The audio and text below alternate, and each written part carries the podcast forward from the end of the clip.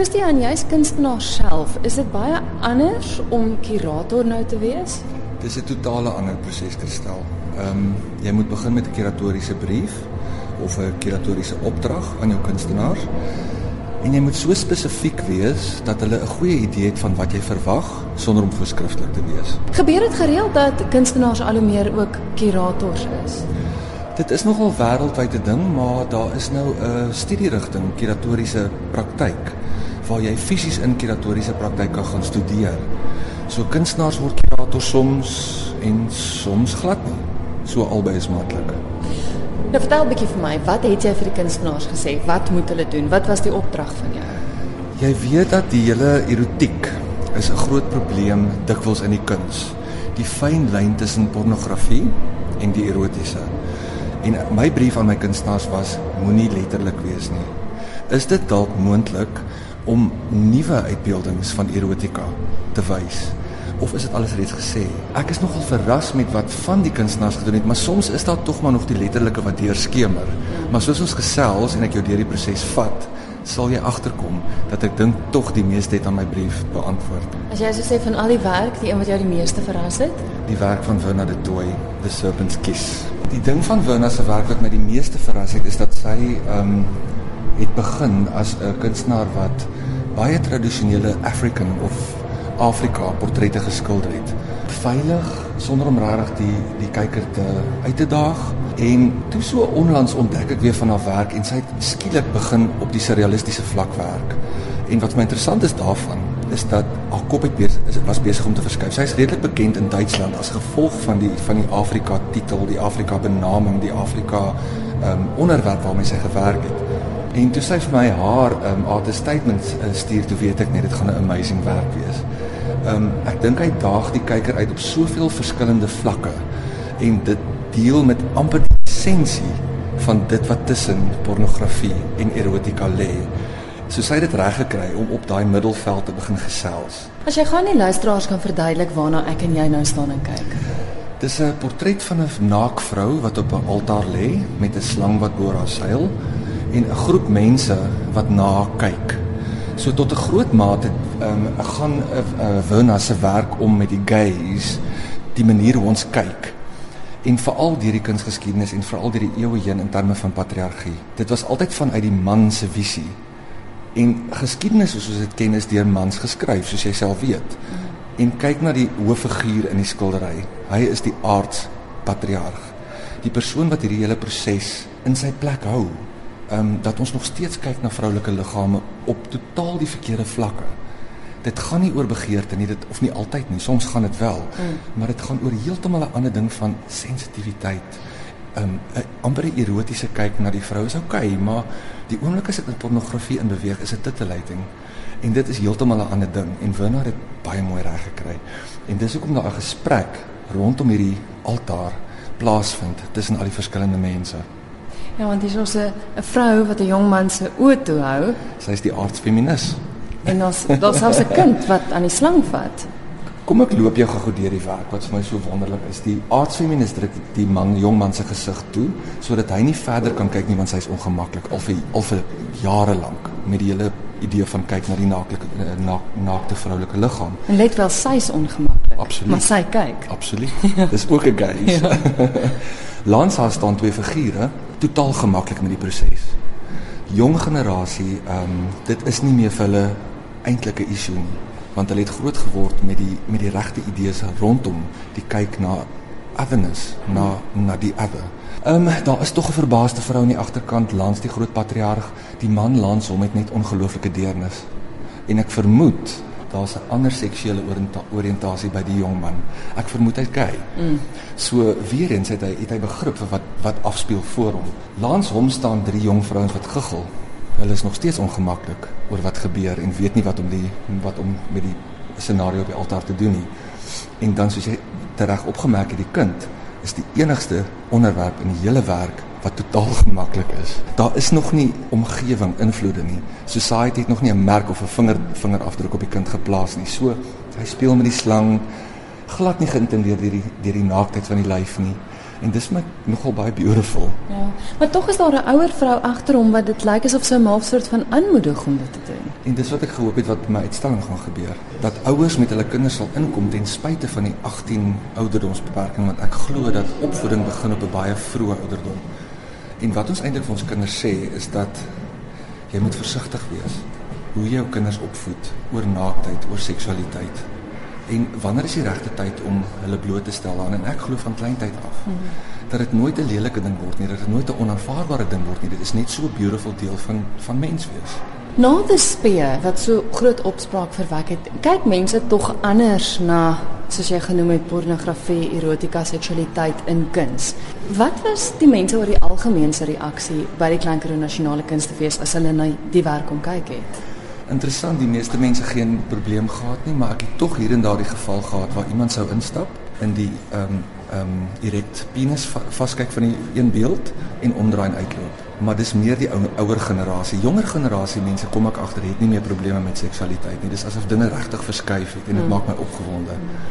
En dit is ook hoekom ek besluit het om hierdie tipe van uitstalling saam te stel. Dit gaan nie net bloot oor lyflike naaktheid of kaalheid of enigiets in daai lyn nie dit werk op baie dieper vlakke en ons gaan wel daarbey uitkom in anderwerke. Vertel vir my van die anderwerke, dinge wat jou opgeval het, as jy graag met die luisteraars wil deel. Kom ek stap oor na JP Meyer se beeldhouwerk. Ehm um, JP Meyer se installasie van 6 renosterhorings.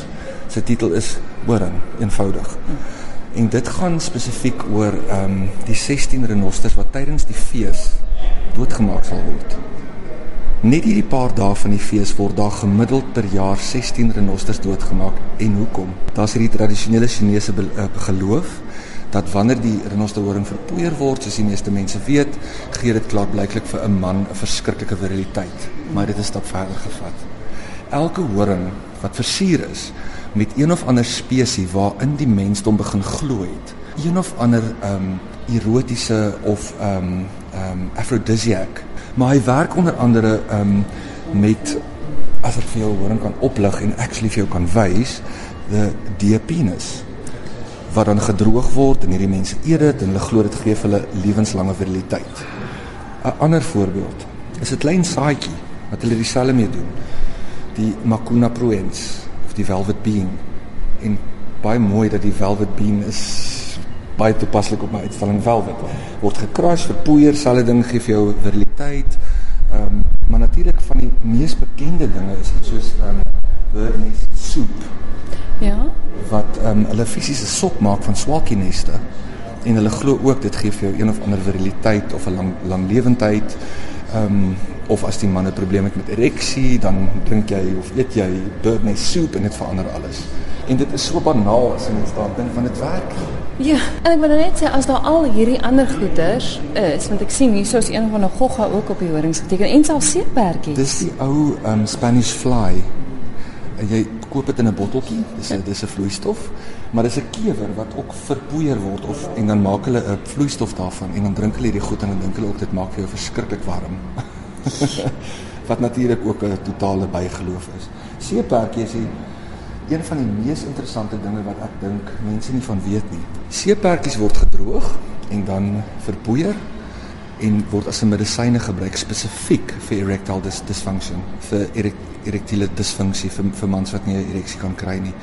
En en hierdie goed word aan die gang gehou en dit word 'n ongelooflike mark tussen China en die res van die wêreld want dit is maar meestal Chinese tradisionele medisyne en die kaste waarop die horing staan is so interessant hy het besluit om die om die om die ehm um, labels te los om juis te praat oor die illegal trade tussen China en ander dele van die wêreld om al hierdie goed in die hande te kry.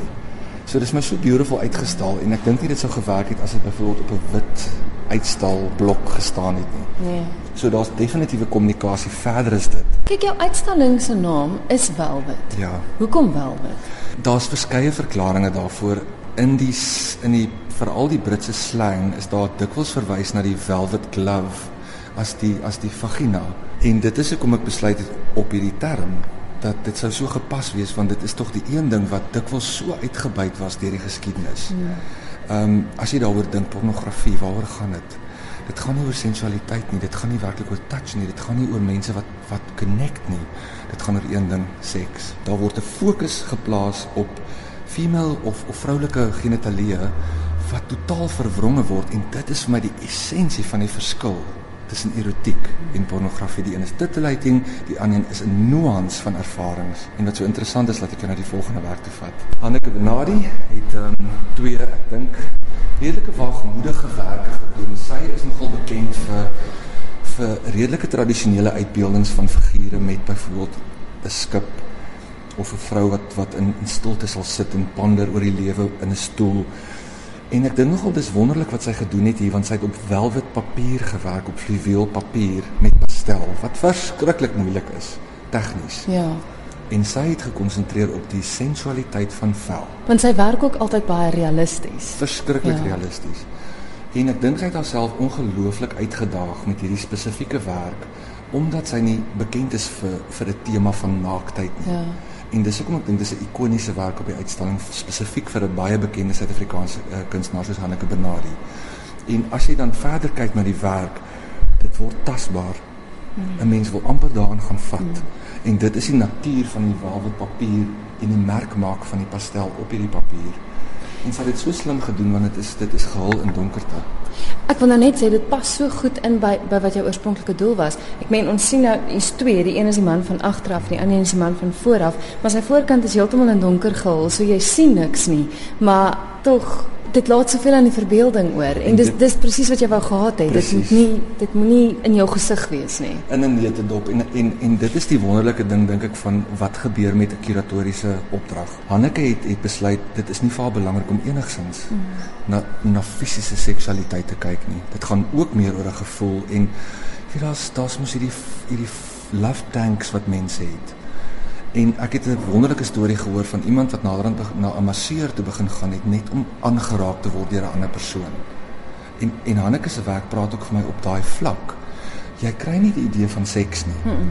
En dis ook hoekom ek hulle in die hoek geplaas het om eintlik in die diepte in te kyk en nie na mekaar nie want ek wil nie 'n spesifieke seksuele statement nou uh, wou gemaak het nie. Ehm um, Hanneke was nogal redelik ehm um, voorskrifklik dat die werke na mekaar moet kyk maar dit sou amper vir my 'n gay konnotasie gegee het van twee mans, twee naakte mans wat vir mekaar kyk. Dis so reg. En as ja. kurator het ek toe besluit maar ek gaan dit nie swang nie. Ek gaan dit in die hoek hang sodat hulle eintlik verby mekaar kyk maar nog steeds in dialoog. En dit is een van die lekker dinge om om om kurator te wees. Sy gaan dalk vies wees vir my. maar as kurator voel ek dit is dit werk so ongelooflik goed. Ja. Ek dink wat jy fantasties reggekry het met die uitstalling is is presies wat jou doel was, is om te wys dat kuns hoef nie noodwendig altyd vuil en vieslik te wees nie, want daar's daar's mos altyd daai verskriklike fyn lyn. Ja. ja. 'n Ander werk wat ek jou gou na toe wil vat as as as daar nog tyd is. is die werk van Marvelien van der Merwe. En dis ook een wat mense sien as jy instap. Absoluut. Ek het haar spesifiek gekies. Sy kom van uit die kommersiële eh, die kommersiële fotografie wêreld. Sy's 'n ongelooflike bekende fotograaf in Johannesburg. Groot kliënte soos Absa, maar bitter min mense weet dat sy ook kunstenaar is. Vat vir my in die glas. Jy sien hoe hywer ek want mens mag mos nie aan kuns vat nie. sy wil jy sê jy moet vat. Oh. Dis velvet letters. Ja. En sy het gespeel met die anagram tussen lipstick en kitsch lip. Hulle het lipstick verander na kitsch lip toe en hoekom? Dit gaan vaar oor die banaliteit van die advertensiewêreld wat so shallow, so vlak, so meaningless begin word dat 'n mens amper nie meer verby dit kan kyk nie. Jy kyk in hierdie verskriklike mooi vrou met hierdie ongelooflike lipstifie vas, maar wie is die persoon daar agter? Wie is die mens daar agter? Wat is die gevoel daar agter? En dis hoekom 'n uh, Marvelien se werk, sy het saam met twee ander mense gewerk wat ek nou ongelukkig se name nie het nie, maar ehm um, ek dink dis 'n ongelooflike slim werk en ook as jy die teks wat op die glas in in in fluweel letters ge, geplak is, as jy dit lees, dit word banaal. Die banaliteit van die advertensiewêreld wat ons selfbeelde ongelooflik kan skade aandoen. Vrouens is nie mooi genoeg nie. Hulle moet so en so en so lyk en dit word geadverteer in tydskrifte. Mans is nie mooi genoeg nie want hulle lywe is te klein.